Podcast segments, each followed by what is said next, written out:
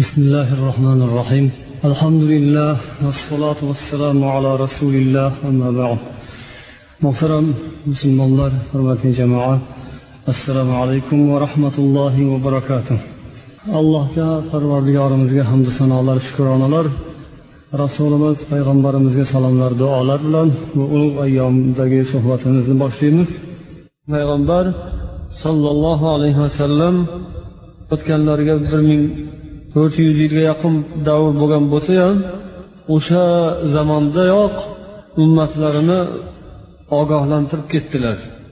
Va qiyomatning alomatlari shu oxir zamon bo'lgan vaqtda ko'payishi bu hikmatlardan biri shu ekanki odamlar tobora payg'ambarlardan uzoqlashib borgan sayin rasulullohning o'sha zamoni saodatlaridan olislab borgan sayin odamlarni e'tiqodi ham ularning dini diyonati ham o'zgacharoq bo'lib borishi bu tabiiy bir holat ekan. Hatto payg'ambarimiz sollallohu alayhi vasallam vafot etgan kunlari u kishini dafn etib qo'llarimizni rasulullohning qabrlari tuprog'idan olar olmas o'zimizni o'zimiz tanimaydigan darajaga borib qoldik. Qalbimiz dilimiz ko'nglimiz o'zgarib qolganday bo'ldi.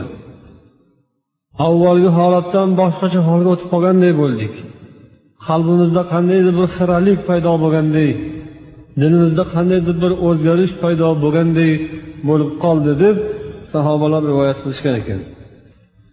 Ya'ni rasululloh sollallohu alayhi vasallam dunyodan o'tishlari zahotiyoq odamlarda buni aksi buning ta'siri sezildi bilindi.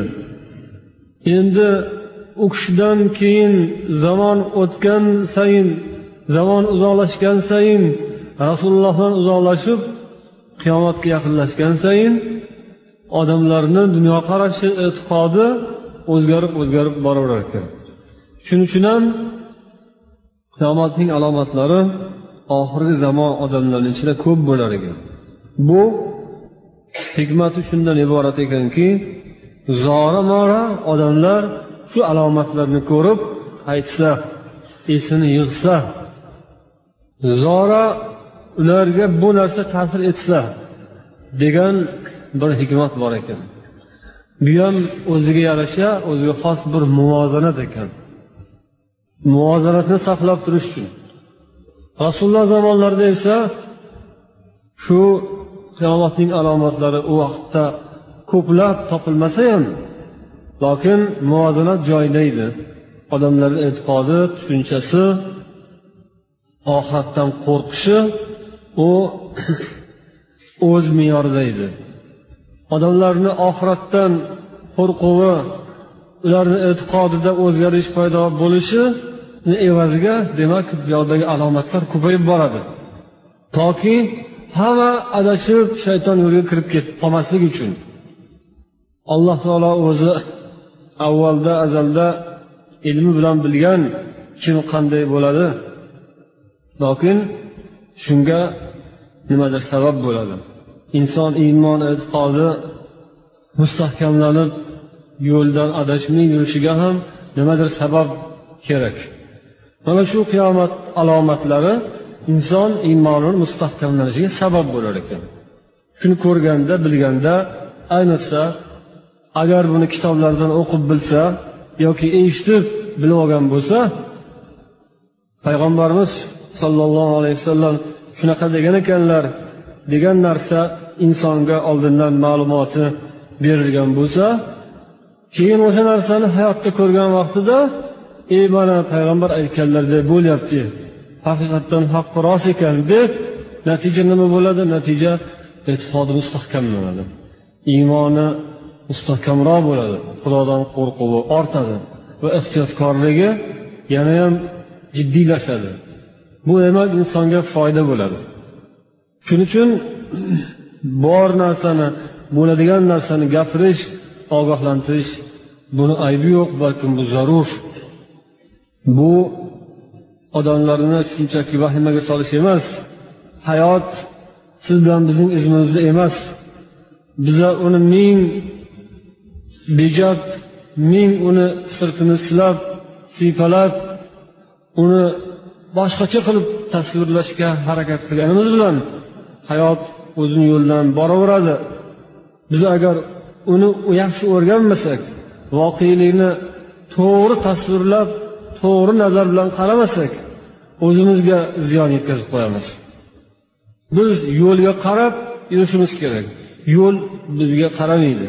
Bizni xohishimiz istagimizga qaramaydi. Bizlar bir manzilga tezroq borishni xohlaymiz. Lokin yo'lda har xil to'siqlar bor. Yo'lda deylik qizil chiroqlar bor. Yo'l o'nqir cho'nqir. Yo'l ko'cha sizni mani xohishim bilan ishi yo'q. O'zini qoidasi bor. Shuning uchun biz majbur bo'lamiz. Ming shoshayotgan bo'lsak ham boshqa bo'lsa ham yo'l bizga emas biz yo'lga qarashimiz kerak. O'shaning uchun yo'lda nimalar borligini bilib olish bu foydaliroq. Endi nima bo'lsa bo'lar mani ishim yo'q deb tekkasiga solib yuboradigan shopir bo'lsa u tez kunda zarar topib qolishi mumkin. Shunga o'xshab hayotning yo'li ham dunyoni tiriklikni bu biz yashab turgan bu dunyoni yo'lini yo'li ham o'ziga xos. Uni olloh qanday xohlagan bo'lsa shunday yaratgan. Biz endi buni o'rganishimiz kerak.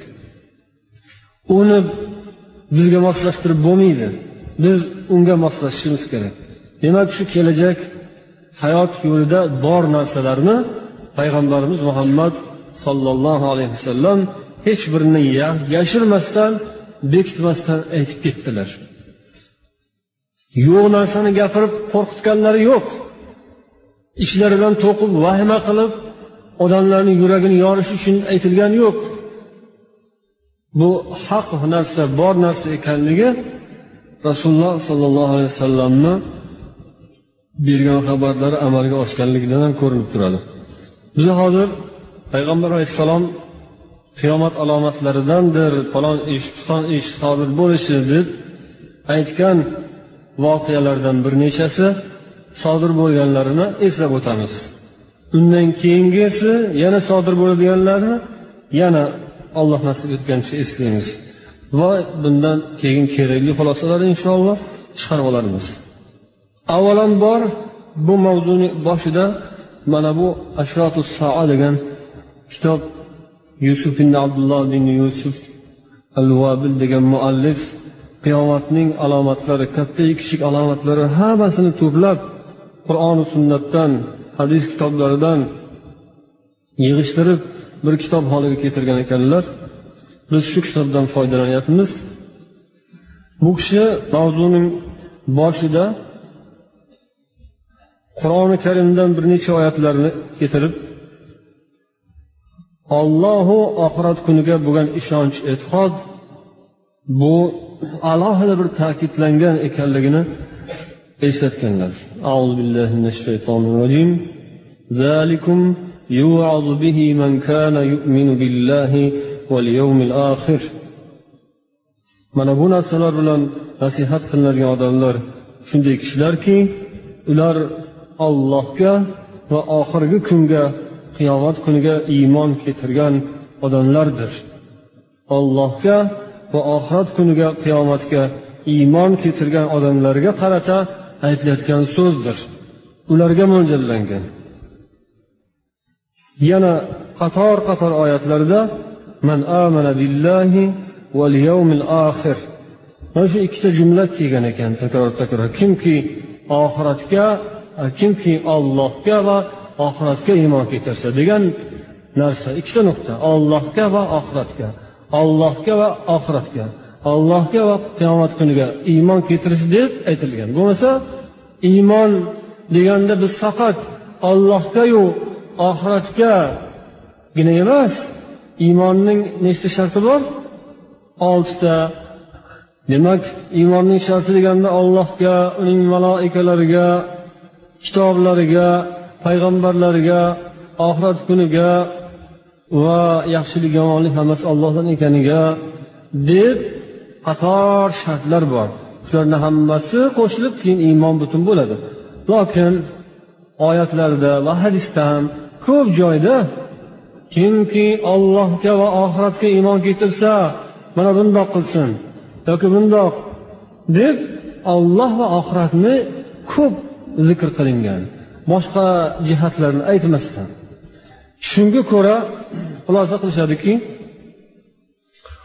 ollohga iymon keltirib undan keyingi muhimi oxiratga iymon keltirish oxiratdan qo'rqish qiyomat kuni borligini haq bilish oxiratdan qiyomatdan qo'rqqan odam keyin qolgan nuqtalar iymonni qolgan shartlarini bajo qila oladi lokin qiyomatdan qo'rqmasa oxirat kunini borligini aniq bilib diliga shuni joylab yurgan bo'lmasa u payg'ambarga ishondim desa ham kitoblarni tasdiqlasa ham boshqa nuqtalarni tasdiqlasa ham oxiratga bo'lgan iymoni chinakam bo'lmasa demak u odamdan yaxshilik chiqmaydi. U odam haqiqiy iymonli kishi bo'lolmasligi mana shu yerdan ko'rinar ekan. Insonni dunyodagi hayoti tartibga tushishi bu dunyoyu oxirati obod bo'lishi shartlaridan eng muhim shartlardan biri oxiratga iymon keltirish bo'lgani uchun ham shunday alohida zikr qilingan ekan. Va hazrati umardan bir rivoyatni keltiryaptilarki u kishi degan ekanlar hazrati umar agar men iroqda bir hachirni o'lib qolganini eshitsam xudodan qo'rqamanki qiyomat kuniga borganda alloh taolo mendan shu hashir haqida so'rab qoladimi deb.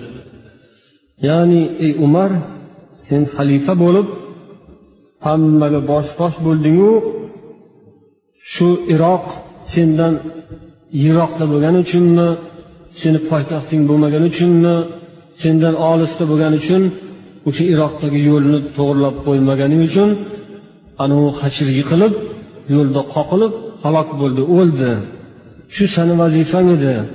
San xalifa eding san rahbar eding boshliq eding. Shu sani nuqsoning kamchiliging bo'lib o'sha yo'lni sen tuzatib qo'ymading sen buyruq bermading shundan sen holdan xabar olmading.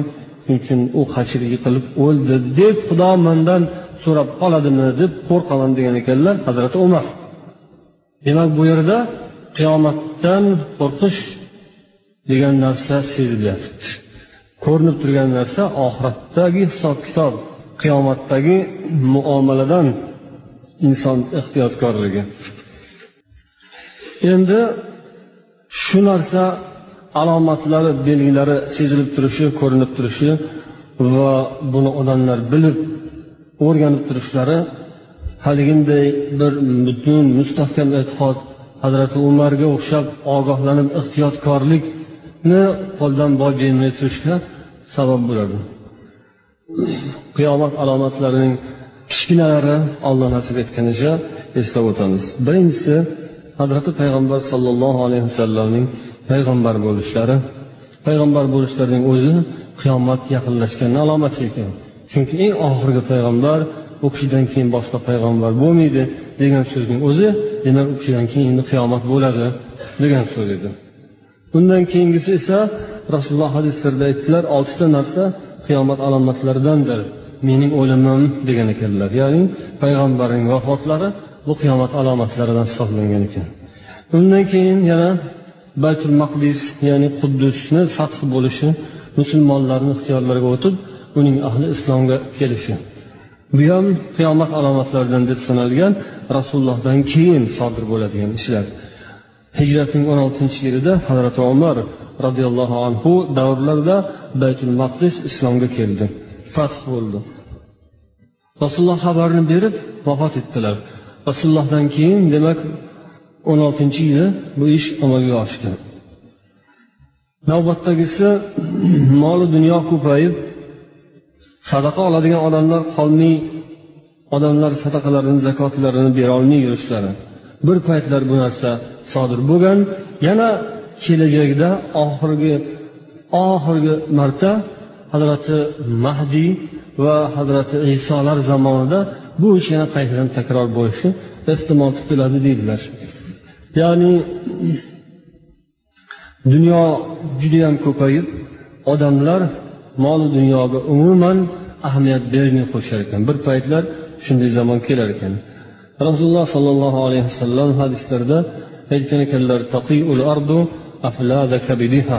yer o'zini eng qimmatbaho narsalarini o'sha yurak bag'rida saqlab yotgan qimmatbaho narsalarini jigarlarini qimmat qimmat eng noyob nodir yashirgan o'zi bag'riga ichiga yashirgan narsalarni chiqarib tashlaydi qusib tashlaydi degan ekanlar. Qayd qiladi. Ichidan ya'ni chiqarib tashlaydi. Yer bag'rida yotgan oltinlari kumushlarini ustundek ustundek yo'g'on yo'g'on kumush oltin ustunlar yerdan otilib chiqib ketar ekan. Lokin hech kim unga qaramas ekan. Bir birini o'ldirganlar o'sha vaqtda kelib aytar e voy tavba. Bir paytlar mana shu narsada biz man falonchilarni o'ldiruvdim. Mana shu tillani deb shu kumushni deb shu boylikni deb man o'ldirganman derkan qotillar. Yana yo'l to'sarlar aytar ekanki mana shu mol dunyoni deb qancha qancha odamlarni qon qaqshatib burnini qonatgandim qancha odamlarni qon qaqshatgan edim der ekan o'g'rilar kelib mana shu tufayli biz ham bo'lgancha bo'luvdik qo'llarimiz kesiladigan darajaga boruvdik shu moli dunyoni deb rasvo bo'luvdik derkan o'g'rilar hech kim unga ahamiyat bermay qo'yar ekan. Sabablardan bir necha narsani ko'rsatishadi. Nima uchun deyilganda o'sha vaqtda ehtimolki hamma odamlarda mol dunyo shunaqa ko'payib ketadi. Ya'ni u narsa ortiqcha bo'lib qoladi. Qaragisi kelmay qoladi. O'zi tiqilib toshib yotibdi olgani bilan olib borib qo'yadigan joyi yo'q. Uni ishlatishga hojat yo'q. Shu darajada ko'pligidan. Yoki ikkinchi bir sabab bo'lishi mumkin dedilar qiyomatga yaqin dunyoda bir olov paydo bo'ladi. Olov hammani bir tomonga qarab haydaydi ekan. Shom yeriga ya'ni shom deganda hozirgi suriya va o'sha atrofdagi falastin shu atrof joylar tushuniladi. Hammani o'sha tomonga qarab yig'ishtirib olib borar ekan. Hamma o'zini bilan o'zi ovora bo'lib qolar ekan. O'sha vaqtda mol dunyoga ahamiyat beradigan o'zi holat kayfiyat qolmas ekan. Hech kim u narsaga qaramas ekan. Qarab faqat haliginday fikr xayol ey attanga bir paytlar shuni deb bir birimizni o'ldiruvdik. Yoki mana shu narsani deb falon ishlar bo'luvdi deb afsuslanib nadomat bilan eslar ekanu lokin endi hozir jon saqlash kerak iloji boricha yengilroq bo'lishi kerak deb hamma o'zi bilan o'zi ovora bo'lar ekan. Yana deydilar shunday qiyomat alomatlaridan deb rasululloh ogohlantirgan narsalardan biri shuki oxir zamon bo'lganda fitnalar ko'payadi bu fitnalar juda qattiq yomon tus oladi. Va bu musulmon ummatining oxiri katta balolar ofatlarga mubtalo bo'ladi. Dedilar lokin bu baloyi ofatlardan fitnalardan sog' omon qoladigan faqatgina ollohgayu oxiratga qattiq iymoni bor odam ollohu oxiratga qattiq ishongan odam va musulmonlar jamoasi ahli sunna va jamoa mazhabiga qattiq yopishgan odamlar salomat saqlanib qolishi mumkin u fitnalardan shuning uchun rasululloh sollallohu alayhi vasallam fitnalardan panoh so'ranglar deb taavvuzga buyurgan ekanlar namozlarda ham أعوذ بالله من فتنة المحيا والممات ومن شر فتنة المسيح الدجال deb o'zlari duo o'qib o'rgatganlar Xudoyo tiriklik fitnasidan o'lim fitnasidan o'zing asragin deb panoh so'raganlar.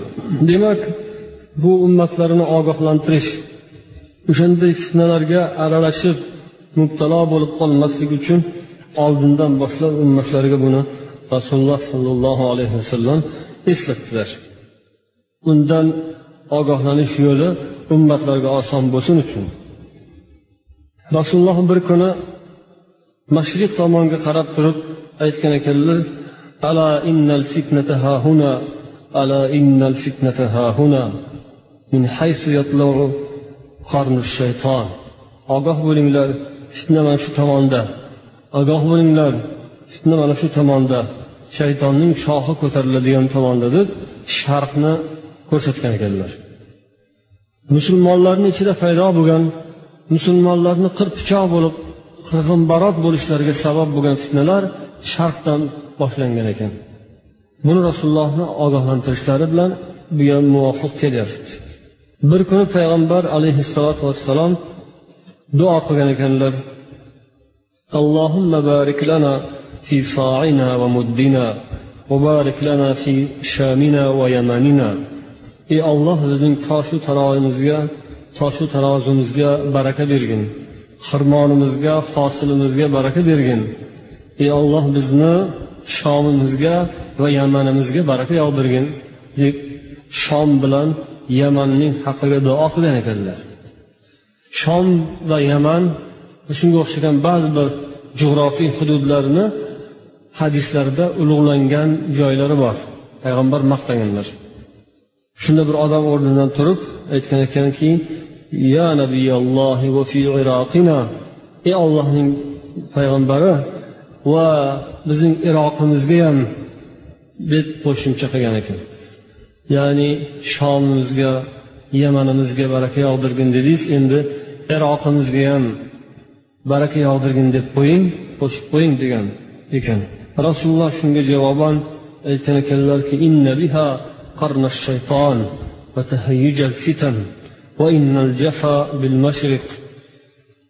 o'sha iroqda shaytonning shoxi bor va fitnalarni qo'zg'alishi bor va jabru jafo mashriqdadir degan ekanlar.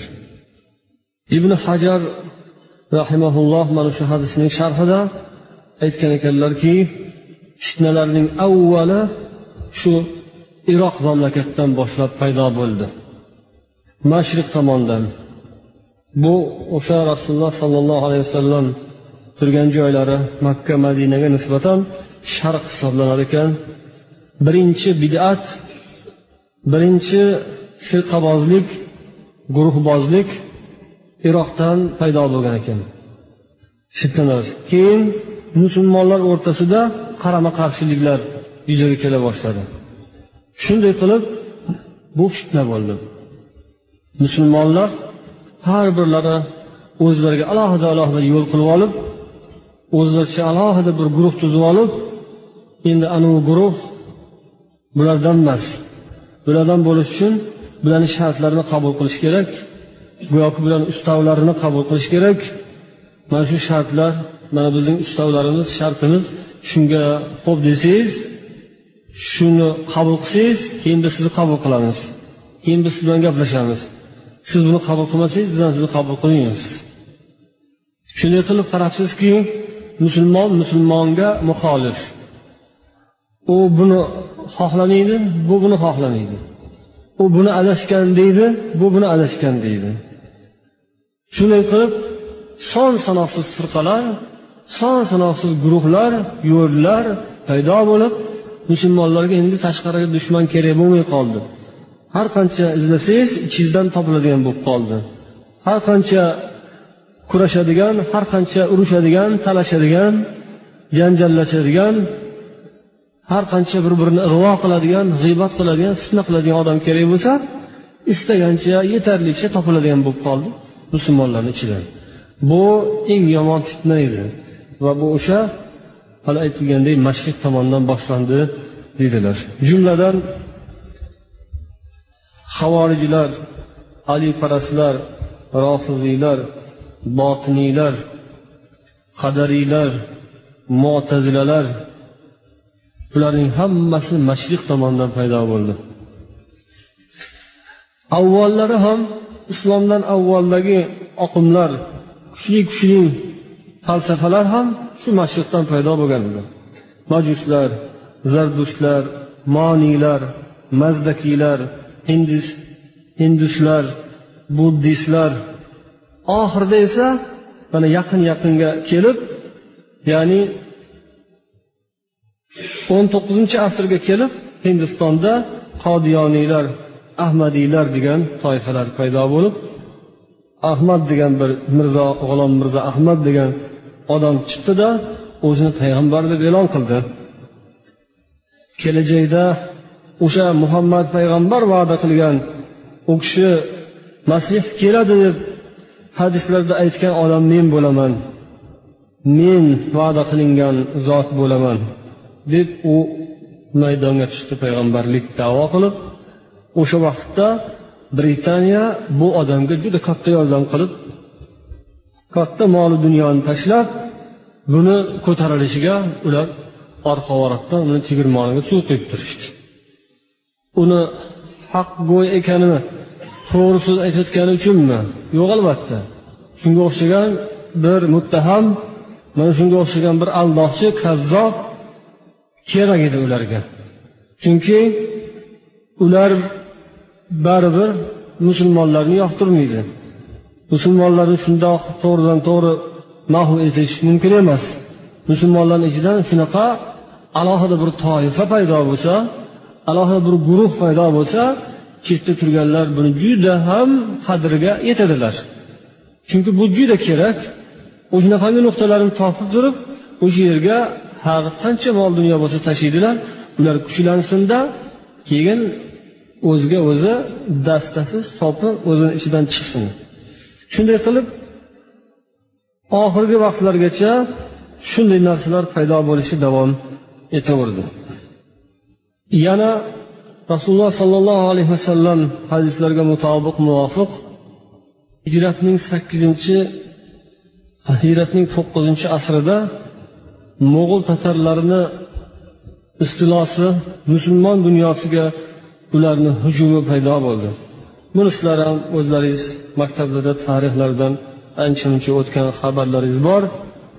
Chingizxon qanchalar musulmonlar ustida kulfatlar keltirgani qancha qancha masjidlaru madrasalarni kultepaga aylantirgani qancha qancha noyob kitoblarni yoqib musulmonlarni qirib qonlarini daryo qilib oqizgani bu ham fitnalarni eng yomonlaridan edi va bu ham rasululloh alayhissalom aytganlaridek naq mashriq tomondan kun chiqish tomondan bular ham paydo bo'lib kelgan edilar. Va yana shuningdek hanuzgacha ham bu narsalarni kuzatish mumkin. Bu hadisning demak quvvati ahamiyati bugungi kunda ham tugamadi. Bugungi kunga ham bu narsa kerak biz uchun. Masalan deylik bolshevizm yoki kommunizm degan ta'limotlarni kelib chiqishi ham shu tomondanu va oxirida qarang dunyo bo'yicha hamma yerda deyarli bu narsa modadan qoldi. Dunyo kommunistlarning markazi tamom bo'ldi moskvada. Hammasi yo'lini o'zgartirib boshqacha bir tomonlarga o'tish ko'rinib turibdi. Lokin esa sin ya'ni o'sha kun chiqish mamlakati quyosh mamlakati bo'lgan xitoy esa mana o'zgacha, ular hali u ta'limotlardan voz kechganlaricha yo'q. Ular buni hanuzgacha bag'rlarida saqlab bosib bu narsa davom etib turibdi. ya'ni u ham mashriqning naq o'zginasi نعوذ بالله من الفتن ما ظهر منها وما بطن rasululloh sollallohu alayhi vasallam fitnalardan doimo panoh so'ranglar ehtiyot bo'linglar fitnalarni oshkorasi bor maxfiysi bor deb bizga ta'lim berganlar va yana aytadilarki oxir zamon bo'lgan paytda yana katta katta fitnalar ham mashriq tomondan bo'ladi ular dajjolning zuhuri dajjol paydo bo'lishi va yajuj majuj paydo bo'lishi bu ham mashriqdan deganlar.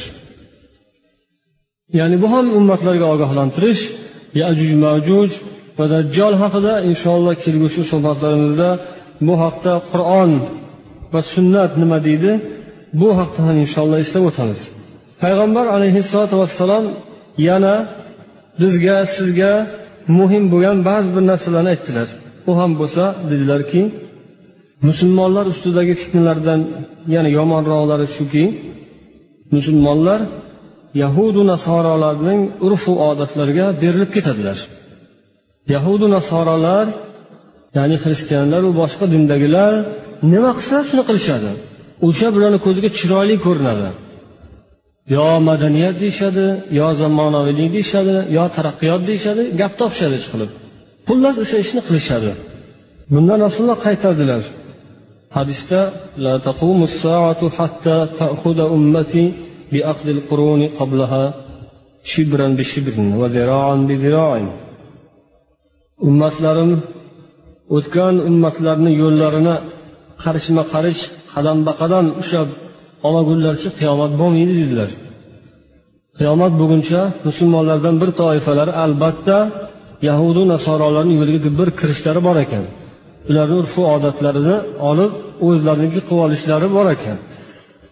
Bu so'zlarni ahamiyati nima hozir siz bilan biz uchun? Ahamiyati nima bu so'zlarni siz bilan biz uchun? O'shandaylardan bo'lib qolmaslik. Shundaylar bo'ladi. Shunday g'ayri islomiy millatni yo'liga kirib ketadiganlar bo'ladi albatta. U aniq lokin muhimi shuki xudo siz bilan bizni o'shalardan qilmasin. Yaqinda hajga borib kelgan bir onaxon hikoya qilyaptilar. Hamma joyda hamma zamonda hamma makonda har xil odam uchrab turar ekanda. Ulug' joy tabarruk joy degani bilan o'shanga mos munosib bo'lib qolmas ekan hamma. O'sha yerdagina ba'zi bir holatlarni ko'rib afsuslanib gapirib berishyapti. O'sha yevropaliklarni hatto amerikaliklarning ba'zi bir urf odatlari taqlidlariga berilib ketishayotganligini hayron bo'lib bu nima holat bu nima sir deb aytishyapti. Ya'ni o'shalarda qanaqa odat paydo bo'lsa o'sha odatni qilmasdan qo'yishmayapti deydilar oxiri borib hatto ovqat yeyish kiyinish yurish turishda ham butunlay o'sha yoqqa taqlid qilish ergashish. Ovqatni yeyish tartiblari.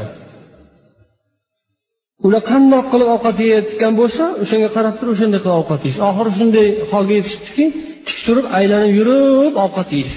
Qo'liga nonni ushlab olib yoki bo'lmasam qo'liga tarilka pichoq yana qoshini ushlab olib o'rtaga katta stolga hamma noz ne'matlar terib qo'ygan. Buni nima deydi otini? Yo'q shved nimadi? Shvetsarskiy stol o'rtaga qo'yib qo'yadida taomlar nozi hammasini keyin mehmonlar chaqiriladi. Mehmonlar atrofda stullar kursida o'tirishadi. Ovqat mahali kelganda endi go deb o'rnlaridan turib haligi stolga yopishishadi. Qo'llarida tarilka qo'lga ilingani olib bu yerda oling oling qani qani bismilloh qani marhamat qani hurmat qani? Yo'q. Mana olib kelib qo'ydi ovqatni kerak bo'lsa tuyaga yantoq kerak bo'lsa bo'ynini cho'zadi.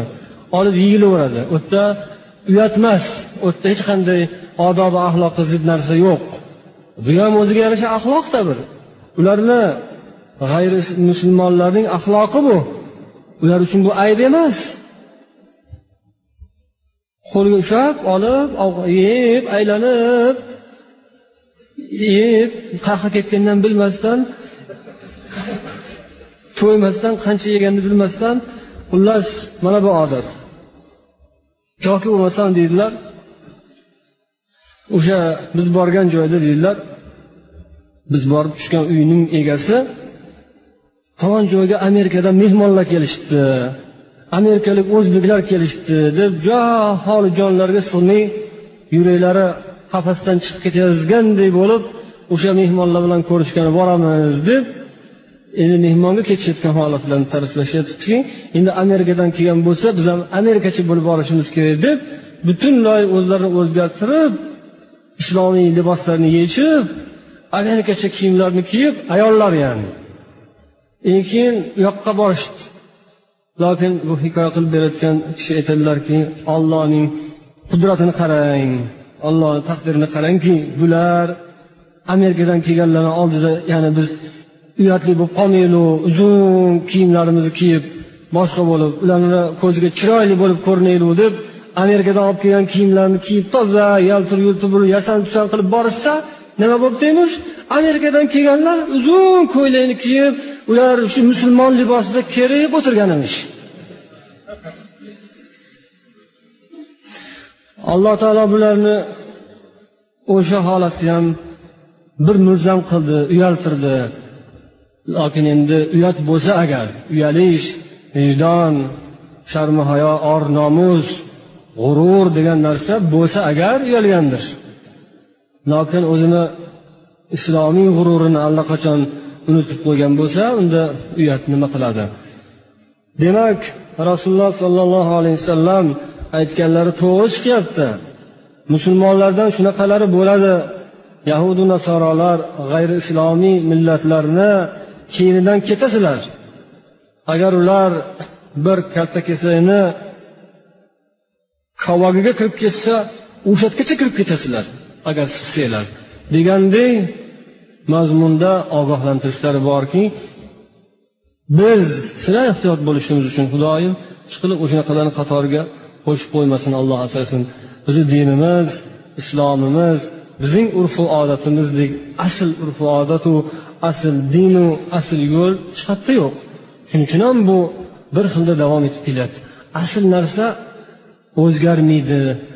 Asl tilla zanglamaydi yo'qolmaydi. Ming yil loyni ichida yotsa ham oltin oltinligicha qolaveradi. Asl bo'lmasa mis chiqib qoladi zanglab ketadi. Ming xil bo'lib tusini o'zgartirib turadi. Bu islom va musulmonlik bu asl narsa bu o'zgarmaydi. Alloh taolo shu asl islom bilan asl musulmonlik bilan birga bo'lishimiz va dunyodan iymon bilan ketishimiz nasib etsin. سبحانك اللهم وبحمدك أشهد أن لا إله إلا أنت أستغفرك وأتوب إليك. اللهم صل على محمد وعلى آله وأصحابه أجمعين. وآخر دعوانا أن الحمد لله رب العالمين. أرحم الراحمين.